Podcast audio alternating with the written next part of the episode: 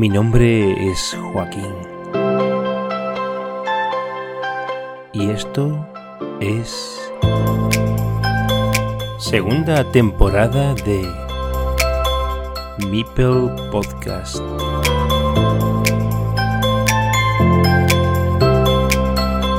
Welcome to Carcassonne.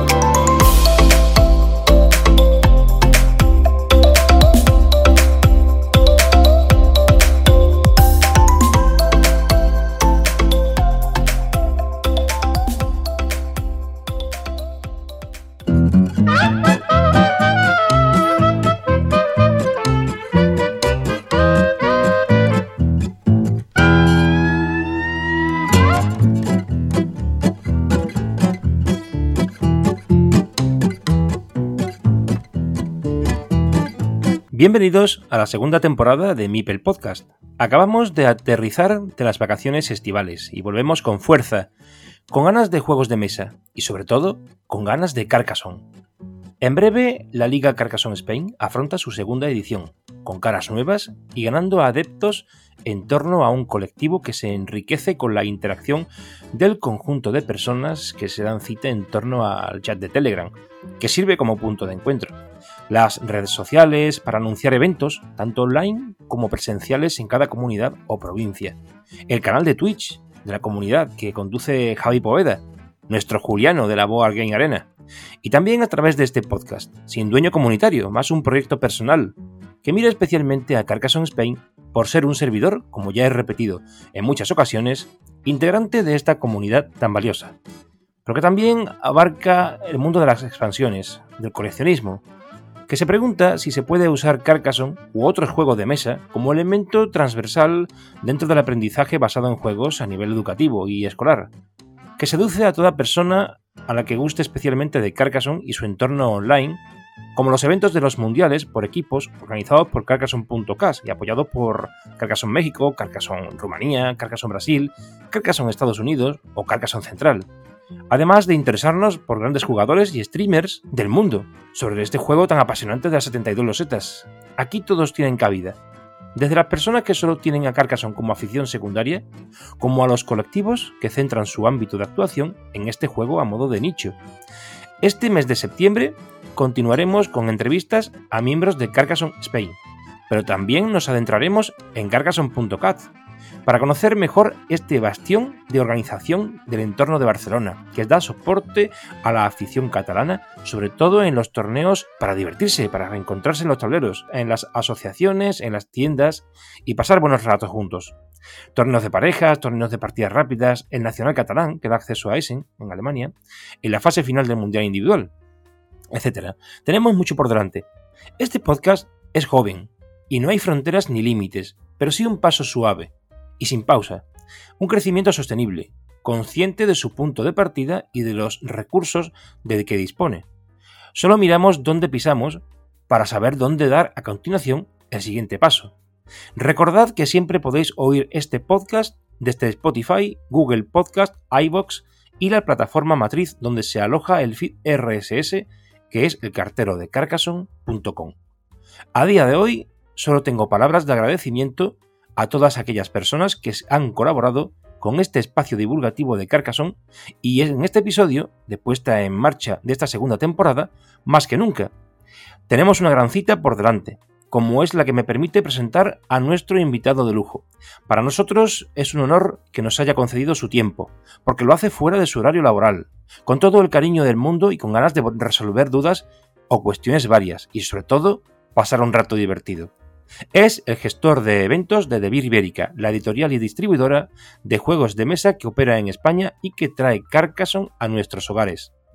Tony Barba, bienvenido a Mipel Podcast. Hola Joaquín, muchas gracias. El honor es mío, la verdad es que gracias por darme espacio aquí en el podcast y nada, soy todo tuyo. Pues mira, te lanzo la primera pregunta. ¿Cómo ha de entender el público en general pero especialmente el aficionado de Carcassonne y sobre todo de Carcassonne competitivo, la labor de Tony Barba en Debir. Eh, ¿Cómo lo va de entender? Pues no sé cómo, debería de entenderlo, pero sí que me gustaría eh, comunicar que la parte de mi desarrollo del competitivo. Eh, y vamos a llevarlo a la parte del 1 versus 1, que es hacia esa zona, esa parte más, eh, eh, pues eso, competitiva, valga la redundancia.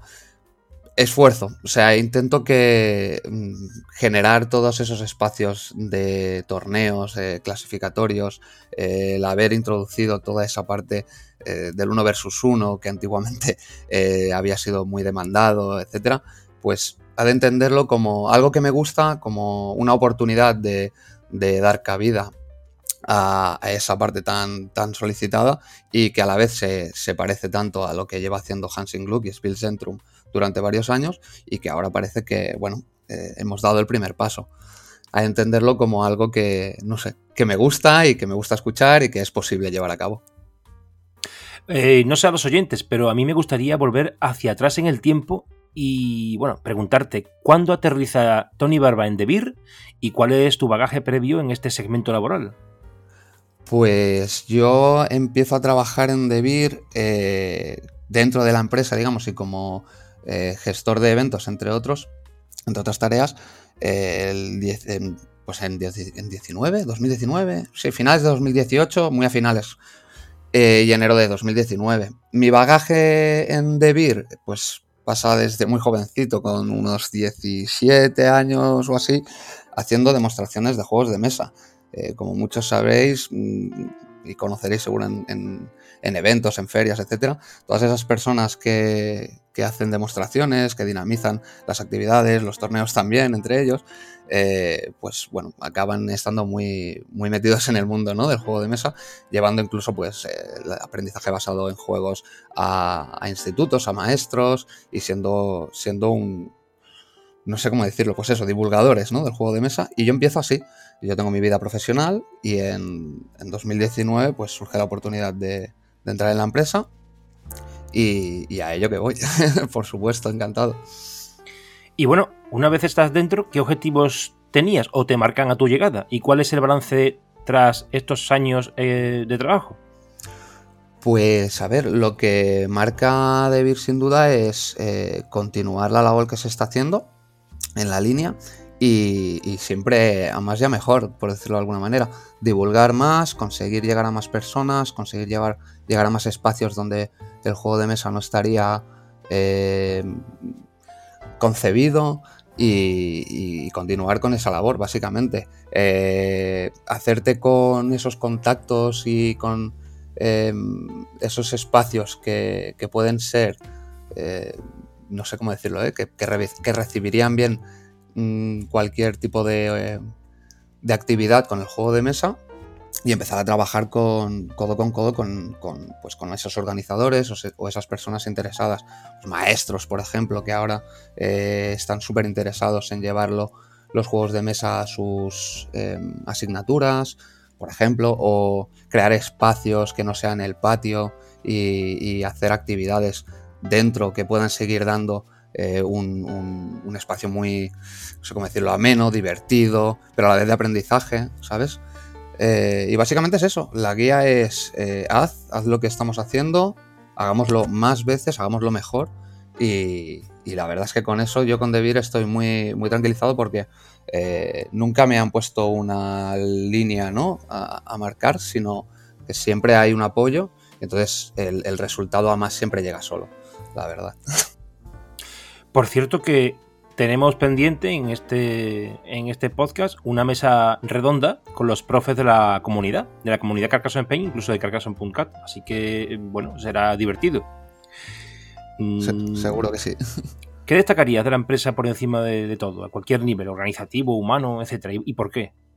¿Qué destacaría? Uf, un montón de cosas. Em, así a priori, te diría que la, cercanía. Mira, me lo voy a poner así.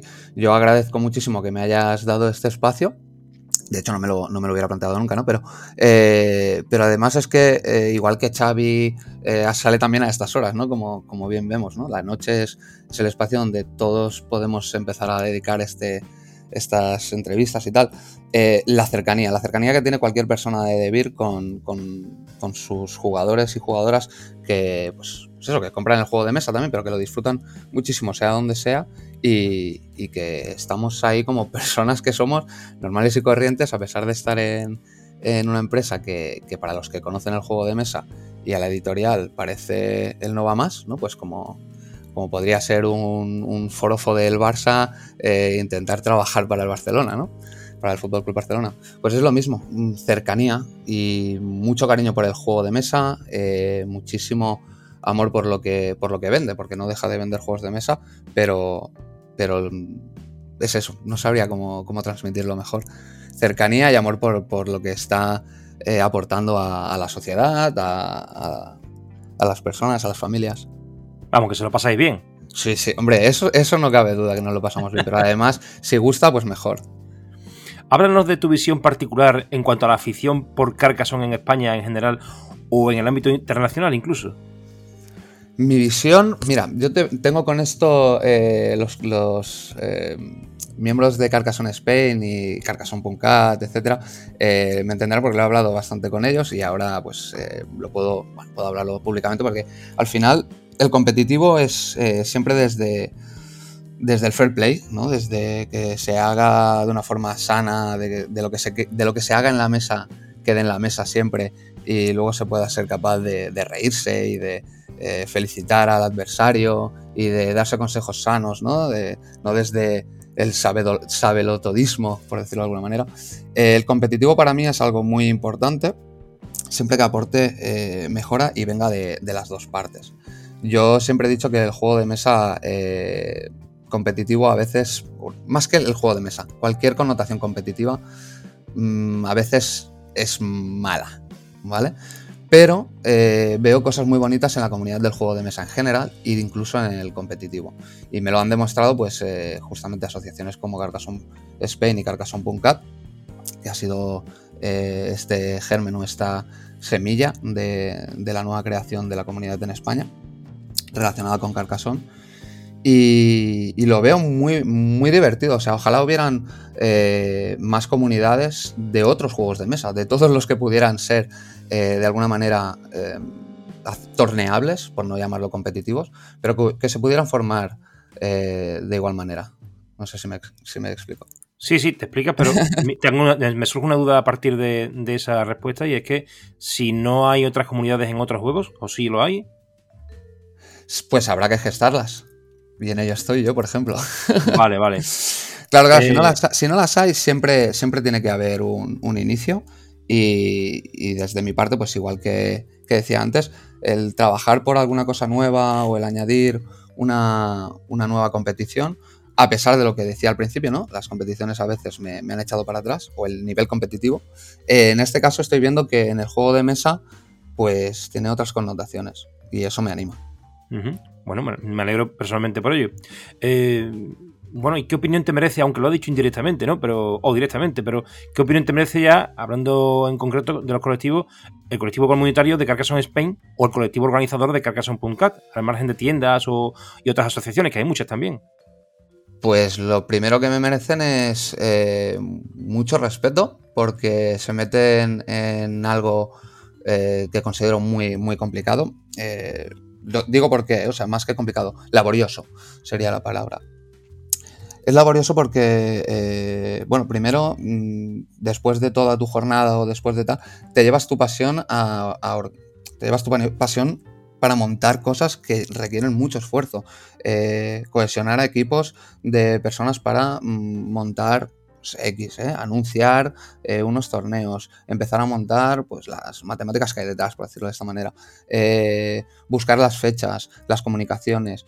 Mm, me, generan mucho respeto y, me, y a la vez, pues me da energía también, ¿no? Decir, bueno, no soy el único que está en todo esto y, me provocan, eh, pues lo que decía antes, me provocan ganas de seguir y decir, bueno, pues hemos llevado este paso, está siendo correspondido y, y tiene que ser mutuo constantemente. Si ellos responden, yo respondo y trabajamos codo con codo.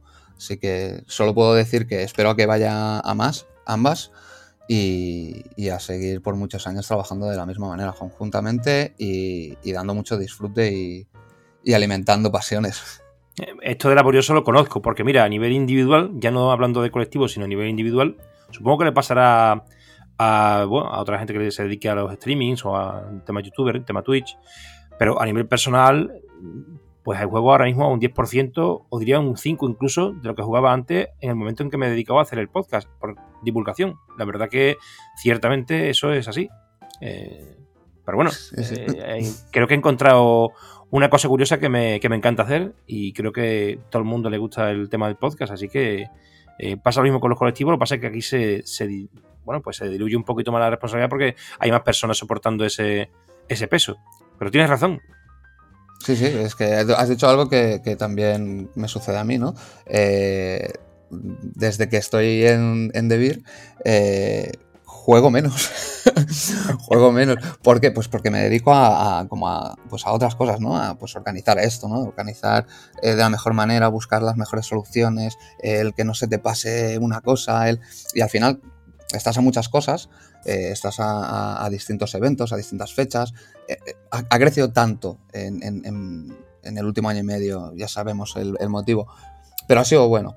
Ha crecido tanto el, como diría, el sector de los juegos de mesa, que tanto y lo que le queda, que, vemos que, tenemos dos mitades de año que, no parecía que, fueran a existir. Antes teníamos la campaña, ¿no? Empezaba, volvíamos al curso, volvíamos con ganas, pero duraba como tres mesecitos. Ahora no, ahora es desde octubre hasta mayo.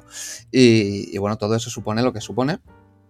Pero, pero el referente al juego de mesa, pues oye, tampoco lo, no es que no lo eche de menos, pero estoy relacionado, ¿no? Y, trabajo para que se siga divulgando el juego de mesa. Ya lo disfrutarán otros y ya volveré a jugar con, con los juegos de mesa cuando todo vaya sobre ruedas.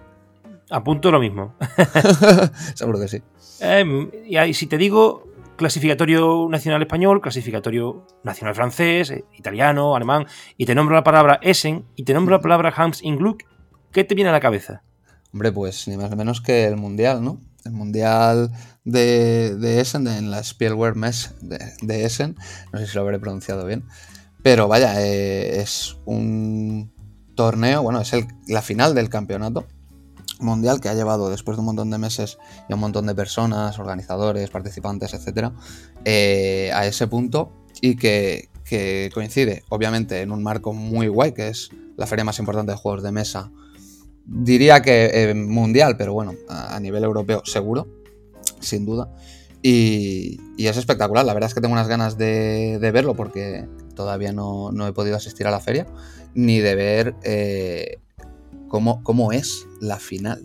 Porque si yo disfruto de una final nacional española, como la que he disfrutado el último eh, fin de semana en Madrid, con, bueno, con, vosotros, con Carcassonne Spain y con muchísimas otras personas, eh, pero a nivel ya tocho, vamos a decirlo así, con, gente de renombre, eh, espectacular. Me, me dice que tiene que haber más.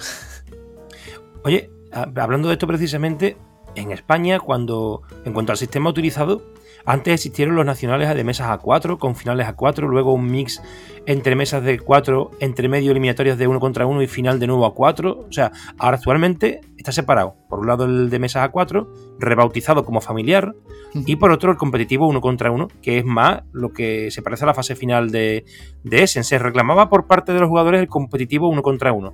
¿Se ha tardado mucho en implementarlo o, y os habéis visto obligado un poco por, por el aficionado que lo reclamaba?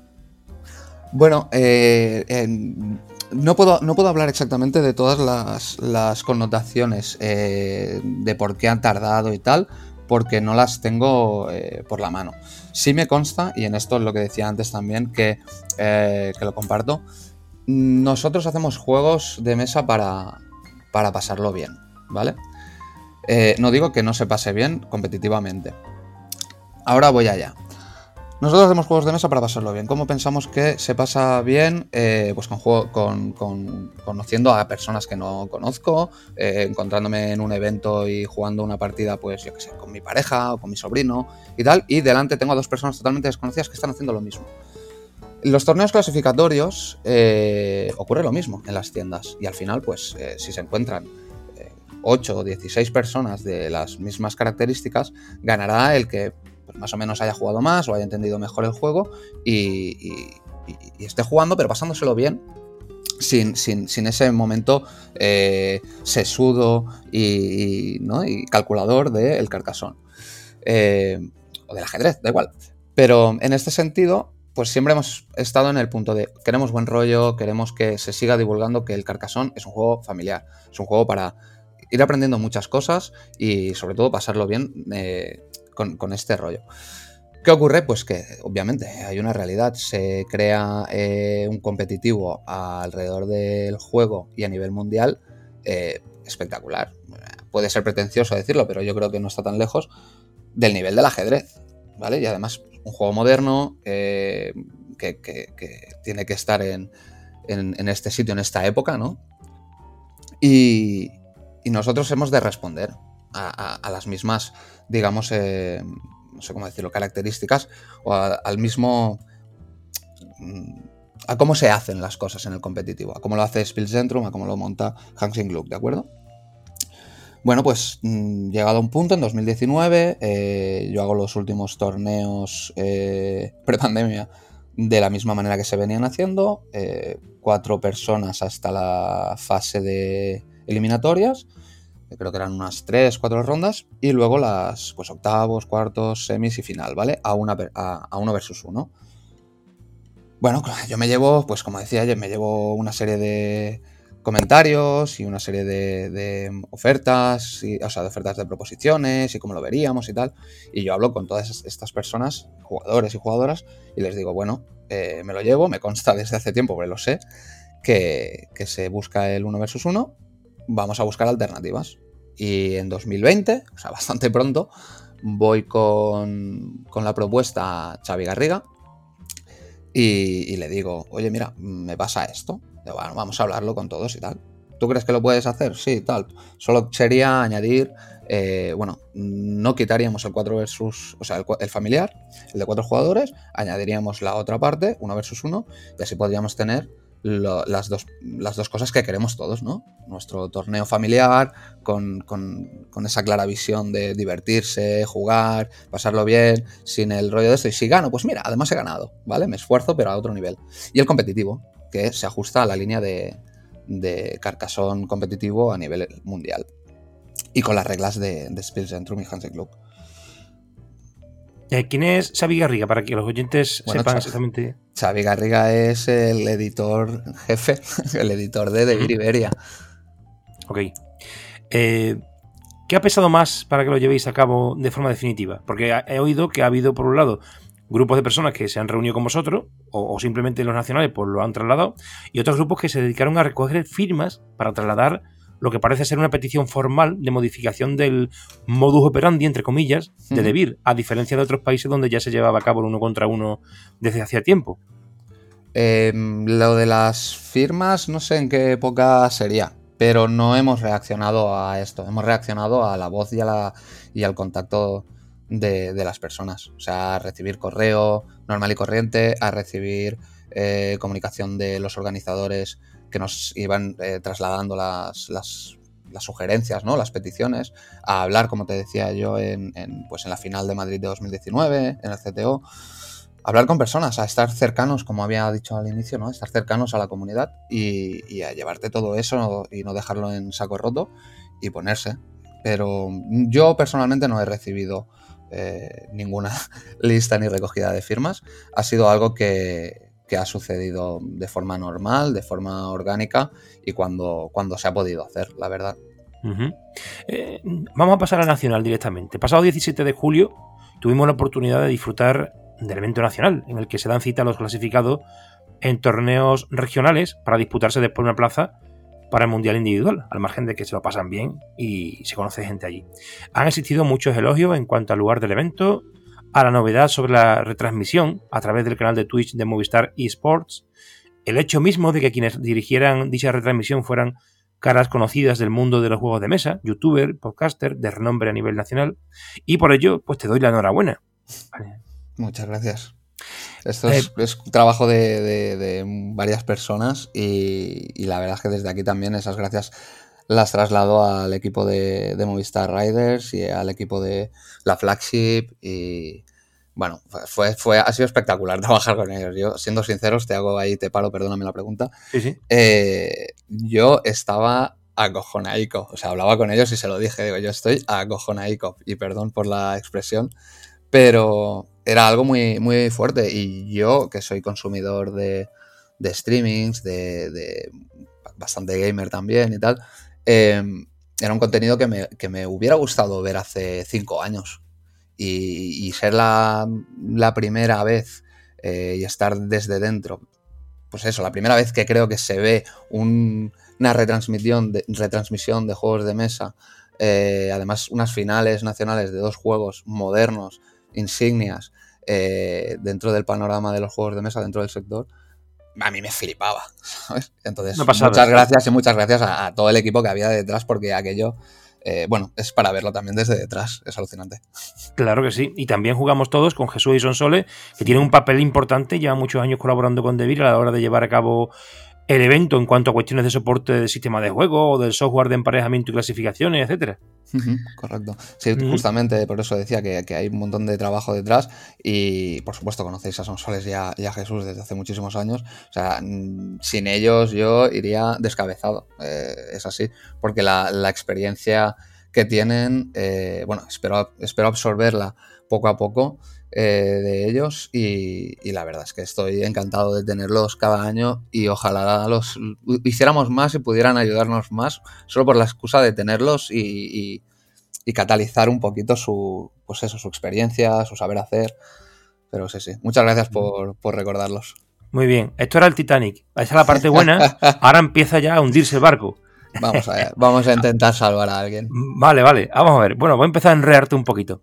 Carcassonne.cat Mm, organiza el evento del Nacional Catalán en dos días, porque la fase final se, disputa al mejor de tres partidas en cada duelo o eliminatoria, y esto es imposible hacerlo en un solo día. Y claro, ahora si lo comparamos con el evento de Madrid, pues debido a las especiales circunstancias del desplazamiento de los participantes a, Madrid, el hecho mismo de la logística, ¿no? de la organización a la hora de proporcionar un espacio y la confluencia, que quizás sea más importante, de los eventos de Catán y Carcassonne el mismo fin de semana, en los que en ocasiones incluso hay participantes que repiten su presencia en uno y otro evento, pues hace inviable, entiendo, duplicar los días de competición, sería inviable. Pero puede que se pueda mejorar la calidad del evento mejorando la, implementación técnica e informativa, comenzando por los clasificatorios. Y te digo, algunos son de muy baja calidad y habría que encontrar la manera de canalizar de alguna forma pedagógica, de mejorar la administración de esos eventos, porque en ocasiones nos topamos con situaciones que rozan la profesionalidad, es increíble, y en otras no existe casi ni presencia de personas que dirijan el torneo en cuestión, aunque parezca mentira. Eh, estoy totalmente de acuerdo. De hecho, es uno de los apuntes que este año eh, tenía mucho interés en ver cómo respondía, digamos, la, propuesta ah, después de la pandemia y he sacado números, he sacado bastantes números. Eh, el hecho de que, pues, depender, vamos a decir de esta manera, de promoverlos con tiendas organizadoras, o sea, asociaciones, tiendas y cualquier otro centro donde eh, tengan cabida y tal. Al final, realizar un, clasificatorio también eh, lo que queremos es que, lleven a gente y que, cojan a gente nueva porque están haciendo una actividad. El clasificatorio a veces es esa excusa. Por eso eh, ya dividimos también en, los clasificatorios desde el principio en uno versus uno y cuatro jugadores. Para que esas tiendas que necesitaban una aparición de, cliente nuevo, tener una excusa de una actividad para, para, que pudieran ver que se hacen cosas en las tiendas, eh, pues, pues tuvieran ese reclamo, pero a la vez el hecho de hacer torneos uno versus uno era justamente para crear esos espacios donde directamente se procurara esa profesionalidad que indicas que, que carecen muchas situaciones, ¿no? Muchas veces. Eh, bueno, ha habido poco de todo, perdón. Ha habido poco de todo. Em, ha habido poco organizador, han cerrado tiendas, han desaparecido asociaciones o se han disgregado. Em, está, estamos recuperando una situación. Entonces yo creo que respecto a esto, me llevo mis números, em, me llevo mis cosillas para mejorar el año que viene en cuanto a propuesta incluso para las tiendas y organizadores. Y, bueno, acabamos de terminar, pero ya estamos trabajando en estas propuestas para tenerlo claro el mismísimo 1 de enero.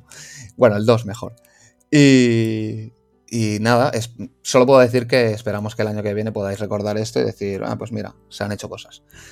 y seguir para adelante. Em, no podemos permitir, obviamente, que en torneos uno versus uno solo jueguen ocho personas o cuatro. Eh, yo he intentado hacer mis cosas para pues, indicar claramente, ¿no? Como se decía en, las, en los formularios y en los requisitos, un torneo de cuatro personas, o sea, un torneo de ocho personas es lo mínimo para que algo sea torneable, eh, sobre todo con estos dos juegos, eh, incluso, incluso Carcassonne a, a uno versus uno.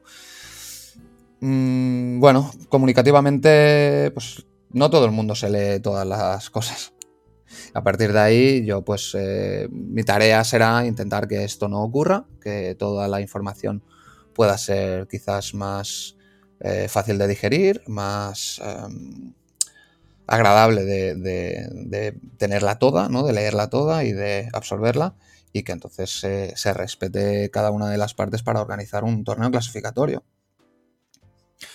Mm, yo te apunto descentralización, o sea, apoyo eh, pues por parte quizás de estas asociaciones que han salido nuevas y que incluso entre ellas también tienen subgrupos dentro de provincias que pueden aportar ayuda dentro de esas tiendas y esas asociaciones pequeñas que, montan esos, esos espacios torneables. Entonces, pues puede ser que por ahí a lo mejor se pueda hacer una prueba también al mismo tiempo que se lleva a cabo lo que hasta ahora habéis estado haciendo. Creo que puede ser una idea. Sí, eh, sí, en cuanto a asociaciones, a ver, no sé si en cuanto a asociaciones significa, o sea, te refieres también a Carcassonne Spain, por supuesto, esto lo hemos hablado muchísimo eh, y saben, parte de la propuesta que teníamos con esto era, bueno, ir, pudiendo ceder eh, parte de la organización o de la, no sabría cómo decirlo, de la gestión de los clasificatorios, cohesionarla entre ellos y yo mismo, eh, para, ayudar justamente a encontrar a personas que estén dentro de la asociación o que pudieran estar interesadas en entrar dentro de la asociación como organizadores y para, como soporte para las tiendas.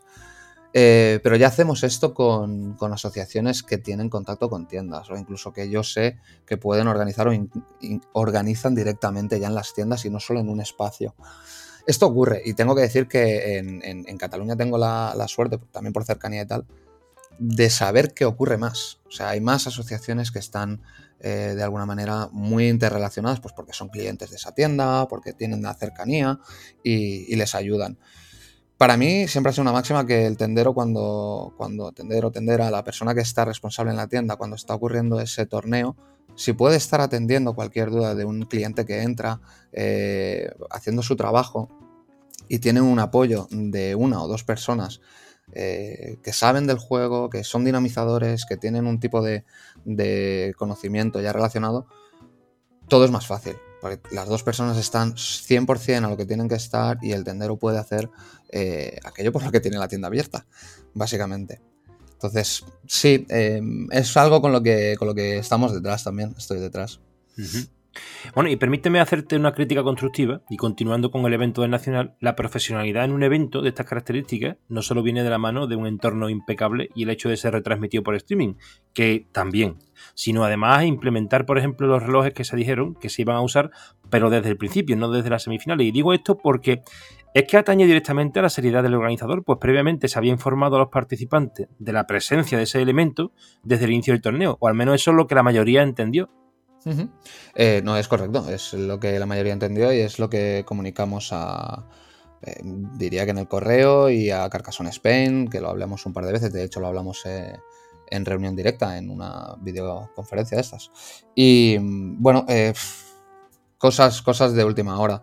A veces no los, los, ¿cómo se dice esto? Los suministros pues no pueden llegar o de golpe pues se han quedado sin por haberlo pedido quizás un poco más tarde. Bueno, eh, son cosas que nos han pasado de última hora, de, haber ocurrido, pues, pues eso, muchas cosas a la vez también y, cosillas que se escapan. Eh, no, yo ya les, les, comuniqué, esto ha sido un fallo que, nos ha llevado por, ir fuera de tiempo, eh, lo pensábamos que lo teníamos todo acordado y, bueno, pues no nos llegaron todos. La verdad es que íbamos a promover a a comentar el tema de la aplicación, pero mm, viendo cómo íbamos dijimos, mira, da igual, ponemos la... o, decimos claramente que vamos a tiempo cerrado y avisamos, o, o dejamos que vayan funcionando, se supone que como tienen el ritmo lo, jugarán bastante más rápido. Pero luego vimos que, pues que no, que sin, tiempo las cosas se diluyen más. Bueno, solo puedo decir que, lo siento, que el año que viene ya lo tenemos claro. De hecho, los relojes probablemente los compremos ya. Eh, porque, porque así nos aseguramos que para el año que viene están estas y otras muchas cosas. Porque, eh, por ejemplo, el espacio. El espacio pues tuvimos que reaccionar también a, cómo había respondido la comunidad, ¿no? A cómo había respondido pues todos los jugadores, jugadoras, no, solo de Carcassonne, como bien comentabas, ese mismo fin de semana se moviliza gente para Catán, etcétera. Entonces, mm, íbamos a algo muy grande. recordaréis que en el CTO en 2019 y en anteriores movíamos alrededor de 150 190 personas, dependiendo del tipo, o sea, del torneo, del juego que jugaban. Y este año, pues, se ha reducido. Entonces, la verdad es que ver un, pues ver una sala de conferencias para 500 personas eh, con 100 personas apenas jugando a Catán o a Carcassonne mm, hubiera sido bastante descolorido. Sí, sí, eso es cierto. Eh, curiosamente, verá, eh, con el tema de que has mencionado antes del ajedrez, que decías que se parecía o que podía, no, no querías parecer pretencioso, ¿no? Pero que, que, se estaba gestando algo bonito. La verdad que yo creo que sí, que se está gestando algo grande grande y bonito a nivel nacional y internacional, poco a poco. La verdad que, desde aquí te, doy también mi apoyo y supongo que Carcassonne Spain lo hará, igual que Puncat, porque al fin y al cabo, vosotros de la matriz de, de nace también un poco todo esto. Si no se hiciera, pues tampoco habría nacionales. Aunque vosotros hacéis el foco eh, en la participación, en la gente, que también. Pero claro, el ajedrez en este caso le saca mucho, mucho tiempo a, a, Carcassonne. Yo, por ejemplo, he sido jugador de federado, he sido presidente de un club, he sido organizador de eventos, árbitro de ajedrez. Entonces, claro, mm, nosotros en el ajedrez, y ya me pongo como jugador de ajedrez, eh, no concebimos el ajedrez competitivo sin el reloj, lo que significa que si le faltan piezas al tablero no se puede jugar, pues si le falta el reloj a la competición de ajedrez no se puede jugar. Entonces esto es una cosa que todavía no se entiende en Carcassonne, aunque se esté pidiendo, pero básicamente la organización del evento, la implementación de los tiempos, eh, pues se basa todo en el reloj, al fin y al cabo es así.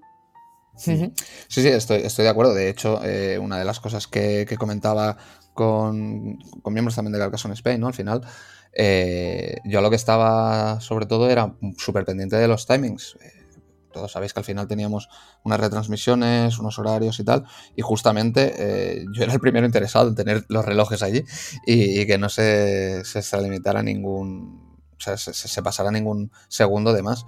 pero bueno, al final fuimos con tiempo, eh, creo que, todo salió bien.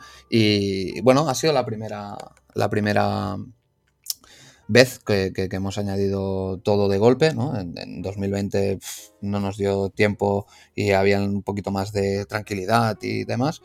Pero en 2021, o sea, 2022, con, los tiempos como han ido, con ferias nuevas en el primer trimestre, con todo y sin excusarlo, ¿eh? Mm, creo que ha salido muy bien. A lo mejor está mal que lo diga yo. Y, todo lo que no ha salido como se esperaba, pues está apuntado. Y, por supuesto lo que no íbamos a hacer era eh, que, con, que sin relojes no se hiciera. Primero porque tú lo que, lo que, lo que comentabas, ¿no? Y, lo que comentaría cualquiera. Eh, movilizamos a nivel España y por ese motivo no podemos hacer dos fases eliminatorias como Carcassonne.cat, como comentabas. El territorio es mucho más pequeño. Eh, la facilidad de movimiento. Yo me encuentro con cosas como, eh, oye, ¿por qué no nos pagáis el desplazamiento a los clasificados a Madrid? Hombre, eh, porque esto no ocurre. Pagamos al ganador que va a Essen porque, no sé, no, chaparíamos la persiana si pagáramos a 100 personas el viaje por Carcassonne y 100 por Catán, probablemente. Pero era inviable. Entonces me encuentro con muchas cosas que, luego cara a cara pues puedes hablar y puedes, puedes debatir y demás, Mm, no sé. Creo que, el hecho de que hayan faltado los relojes puede haber significado un bajón o una falta de, pues eso, de profesionalización del torneo, por decirlo de alguna manera. Pero, pero bueno, paso, paso a paso, las cosas se construyen paso a paso y de nuevo, puedo pedir perdón y pido perdón por esto, pero solo se puede mejorar, siempre.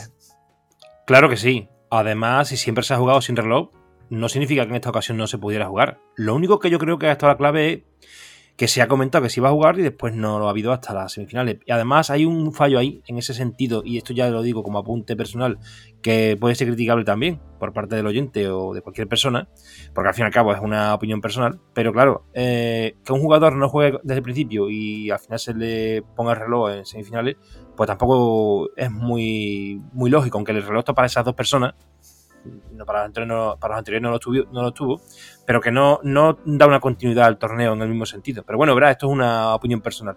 En ese, en ese sentido, también quería decirte, y ya nos olvidamos del reloj, que hay un dato que, que, se ha demonizado un poco por parte de los participantes, que es el tema de las fechas. ¿Qué ha sucedido con esto? Bueno, las fechas han pasado, han pasado muchísimas cosas, porque con las fechas, eh, primero barajábamos el que no coincidiera con, con la Semana del Orgullo en Madrid, básicamente porque mm, logísticamente es un follón enorme.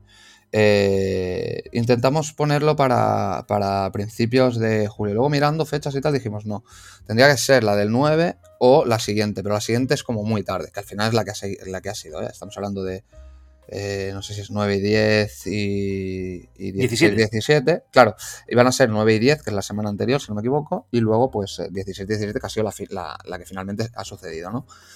Claro, estuvimos mirando y mira, nosotros por ejemplo estuvimos en la TLP eh, desde el 29 de junio hasta el 4. El 4, lunes 4, estábamos volviendo.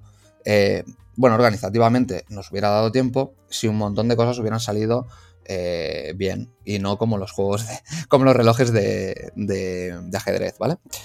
Pues mm, locales que, no podían darnos el espacio finalmente, eh, búsqueda a última hora de sitios que, que, no cumplían las características, precios, no solo han subido los juegos de mesa, no solo ha subido el pan, la gasolina, eh, ¿no? Pero los espacios, los espacios han sido algo muy, muy bestia. Entonces, pues buscando algo que encajara, intentamos comunicar cuanto antes.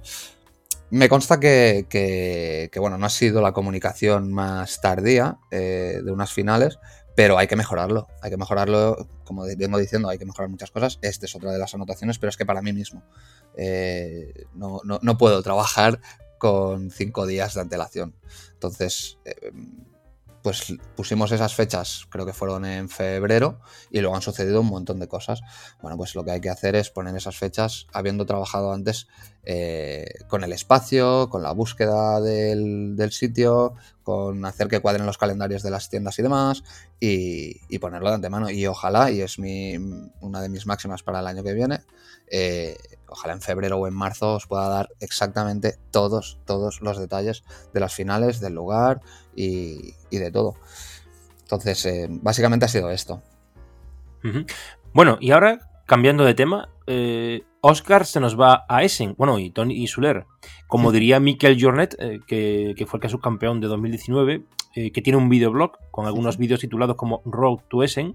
¿Qué hace de Beer o qué tiene que hacer el aficionado campeón en este caso? ¿O, cuál es el camino a Essen ahora para ilustrar un poco a los aficionados que no tienen la oportunidad pues, de ir? Pues mira, a, para el a ver, ¿para el aficionado o para el ganador? Bueno, para ilustrar a los aficionados de cómo se va el campeón allí. Vale, pues mira, el campeón básicamente eh, recibe una comunicación de Debir diciéndole que mmm, tiene que facilitar unos datos para que podamos eh, primero comunicar todos los datos relativos a, a su persona a Hansing Gluck, a la organizadora, y, y, además el correo electrónico porque ellos luego facilitan una, unas comunicaciones, ¿de acuerdo? Entonces luego por nuestra parte nosotros gestionamos todo lo que sería su desplazamiento y estancia, siendo, siendo muy, muy escueto. Eh, básicamente el, el, ganador, el que vaya a... Te lo diré, el que vaya a a Essen. A Essen, eh, no, iba a decir, a representar a, ah. a, Cataluña o a España en el, en el Mundial, eh, lo que va a hacer es descansar, prepararse y olvidarse del billete. Básicamente, estar preparado para, para, disfrutar de la feria de Essen, que además me parece eh, les dan un pase para la feria. Y, y ya está, disfrutar, prepararse y tenerlo todo todo montado para, para Essen, que además queda poquito, la verdad, quedan dos mesecitos porque este año se adelanta, pero es así de fácil. Nosotros nos encargamos de todo eh, y Hansen Gluck le, les comunica eh, como dónde va a ser, cuándo va a ser y cuáles van a ser las, las rondas y tal. Y en relación a, a, una pregunta parecida, te pregunto, ¿existiría alguna fórmula de cara a los aficionados con Debir a la cabeza para facilitar el viaje a ese, más económico o con reservas por hotel por grupos o para determinados colectivos que puedan mover ficha para apoyar al compañero? Esto, ojo, es una propuesta de una nueva iniciativa, pero que sabemos que pueden llevar a cabo los propios colectivos, ¿no? Dentro de sus asociaciones, pero te lo llevo a ti eh, porque sé que, no sé, tal vez estas gestiones ya las conozcáis, ¿no? O sabéis dónde alojaros, cómo tenéis que llegar. Es decir, aprovechando vuestro camino y nuestro interés, ¿existe alguna posibilidad de gestión intermedia para los colectivos de juego y seguidores de Debir, no solo de Carcassonne, para encaminarse a esta feria internacional? Pues ah, respecto a esto, solo puedo decir que, es, preparación previa. ¿eh? Me sé de, personas que salen de Essen y reservan ya todo para el año siguiente, o, al menos en cuanto tienen la fecha de, la siguiente edición. Eh, es que es lo, mismo para nosotros. Realmente, eh, por facilitar o demás, podríamos quizás encontrar, y esto te lo digo yo, eh, una agencia que hiciera grupos, pero es que esto las mismas asociaciones, como has dicho tú, o colectivos, eh, pueden buscarlo de la misma manera. No tenemos ninguna facilidad por, ser eh, expositores o por ser editoriales y básicamente es correr, o sea, en, en esas fechas y por esa feria está, está todo a tope, está a tope. Sí, he tenido ocasión de comprobarlo. pues mira, ya sabes más tú que yo en este, en este sentido, porque no, no, no, no, he tenido todavía el placer de, estar en Essen, pero vamos, está ahí también marcado. Bueno, y dejando de lado todo lo anterior, ¿hay novedades en cuanto a cuestiones relacionadas con Carcassonne en el ámbito de competición que podamos conocer a día de hoy? ¿O algún tipo de declaración de intenciones en cuanto al próximo Nacional de 2023?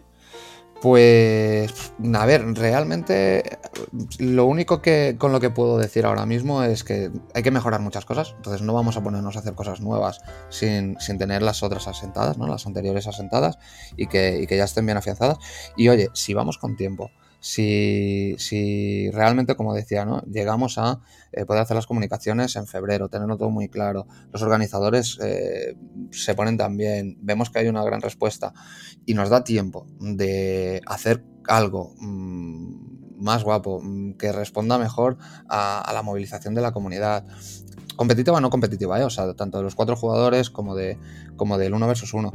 Em, Siempre, siempre hay opciones de hacer algo, pero a nivel competitivo, si no hay, eh, lo diría, una imposición o hay algo nuevo que, sea a nivel global y que venga desde Spielzentrum y Hansen Club, no, no realizaremos cambios más que lo que hemos visto eh, en, en, este 2022 y, y, a seguir, ya te digo, mejorarlo. Mejorarlo, seguiremos con el 1 versus 1, mm, añadiremos los relojes, eh, mejoraremos la, comunicación y, poco más, la verdad. No, no hay nada nuevo sobre la mesa con la que hayamos empezado a decir, esto tiene que estar el año que viene. No, solo mejorar, mejorar y responder a, a todo esto que nos has comentado, que me has preguntado, Joaquín. Bueno, ahora, bueno, el micro lo tienes abierto, pero diría que lo tienes más libre porque no está sujeto a ninguna pregunta. Pero solamente decirte que, que te dirijas ¿no? a esos aficionados, como cuando están delante de ti a decenas ahí en el Nacional escuchándote hablar mientras ellos permanecen en silencio. Piensa en todo lo que te he preguntado y cree que en esas preguntas van muchas de las interrogantes que muchos aficionados acumulan en su mochila. O incluso piensa en todo lo que has vivido esto, este tiempo ¿no? como, como gestor. Y si tuvieras que dirigirte con un mensaje atemporal de la gente que ya no está o que, o que sigue estando o que va a estar a todas las personas que has conocido en torno a, este juego que ideó Klaus Jürgen Brede, ¿no? De las 32 losetas. ¿Cómo lo harías? ¿Cuál sería el mensaje? Wow. pues, a ver, el mensaje que siempre digo es que muchas gracias por, por haber participado, sea antes, durante o después o dentro de muchos años. Eh, aunque yo no esté delante del, micro y dando la bienvenida, es gracias por, jugar, gracias por, estar ahí eh, acompañando a las personas que estén llevando los, nacionales, gracias por hacer grande la, afición, sea del juego que sea, también a Carcassonne, eh, porque, porque ha crecido muchísimo y no está tan lejos de lo que decíamos que es que sin, ellos no haríamos tampoco los, clasificatorios, ni los nacionales, ni siquiera, no sé cómo decirlo, ¿eh? pero ni en ferias, aunque no fuera eh, por, torneos, no llevaríamos esas dinamizaciones ¿no? que tanto nos gustan disfrutar a nosotros en, propiamente, pero también ver disfrutar a los demás. Entonces, eh, solo puedo decir, seguir transmitiéndolo, seguir haciendo espacio, llevaros a todas las personas que conozcáis para que os puedan acompañar en estos sitios, en estas finales y, gracias una vez más. Eh, Tony, permíteme hacerte una pregunta un poquito más profunda para terminar. Y yo te diría que me has parecido desde ese 17 de julio, eh, hasta pasando por una entrevista en YouTube que vi de ti, los correos electrónicos que hemos cruzado y tu participación hoy en este episodio. Creo que eres una persona cercana, humilde en el trato, un tipo trabajador, ¿no? Eh, que con, esfuerzo creo que lleva de la mejor manera posible la organización de su agenda laboral y, que con el intento de estar siempre un poco en contacto con la comunidad. Pero la pregunta es, ¿en qué parte de esa agenda eh, se fusiona la responsabilidad de tu trabajo de cara a DeVir con el elemento de atención al colectivo de aficionados, porque no es una misma cosa, pero tu trabajo tiene un objetivo que precisamente es la afición, supongo, y que al mismo tiempo es también el cliente de DeVir, o existe otro enfoque. No, no, es eh, bueno, es que de hecho eh, viene totalmente relacionada. O sea, una cosa para, para mí, una cosa no puede ir sin la otra. Y, aquí básicamente te voy a decir el porqué. Em, aparte del cuidado, me he, crecido en atención al cliente, por decirlo de alguna manera. He crecido eh, de cara al público, tratando con personas de, de, mil formas de pensar, de, nacionalidades distintas, religiones distintas, de políticas distintas, de equipos de fútbol distintos, ¿no?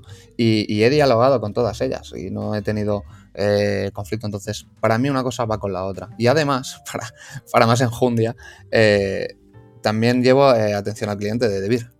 Entonces, mm, del consumidor, quiero decir. Entonces, para mí viene totalmente junto porque si no lo veo por una parte de, de, mi empeño, lo veo por el otro y, y es que es lo que decía, va interrelacionado. Eh, los jugadores de mesa hacen que sigamos haciendo juegos de mesa. Y por lo tanto, en la agenda tiene que caber en todo momento. Salto de una cosa a la otra y si es necesario eh, responder a un correo eh, que tiene mil críticas, pues hay que coger esas críticas, entenderlas, mm, masticarlas, digerirlas y tal. entonces, explicar lo que se puede explicar y, todo lo demás, pues ponerle luego ese espacio, ese rato para esforzarte, sacar lo mejor y decir, oye, mira, me acordé de ti porque me dijiste esto, ahora lo has visto. Se esfuerza, se saca y, es una forma de atender, ¿no? Llegar, llegar a los resultados que, alguien puede empezar eh, con una queja o con una forma que no toca, pero puede tener razón. O qué nos cuesta. O y ahí está. Va total, para mí va totalmente relacionado. Bueno, Tony, no te doy más la brasa. Eh, Nada, oye, un placer. seguro que seguro que los oyentes tendrán más preguntas, pero yo he, agotado las mías. Eh, te agradezco sinceramente tu tiempo y presencia en, en Mipel Podcast. Muchas gracias, Joaquín. Ha sido un placer enorme. Hasta pronto y continuamos. Creo firmemente que hay gente por ahí que debe hacerlo mejor que yo, pero de momento este es el único podcast sobre Carcassonne. Si alguien me escucha por ahí, lo animo a hacer un blog, un podcast, un videoblog o lo que quiera que sea para compartir este acto divulgativo sobre su juego de mesa favorito. Un abrazo a todos los carcasoneros y carcasoneras.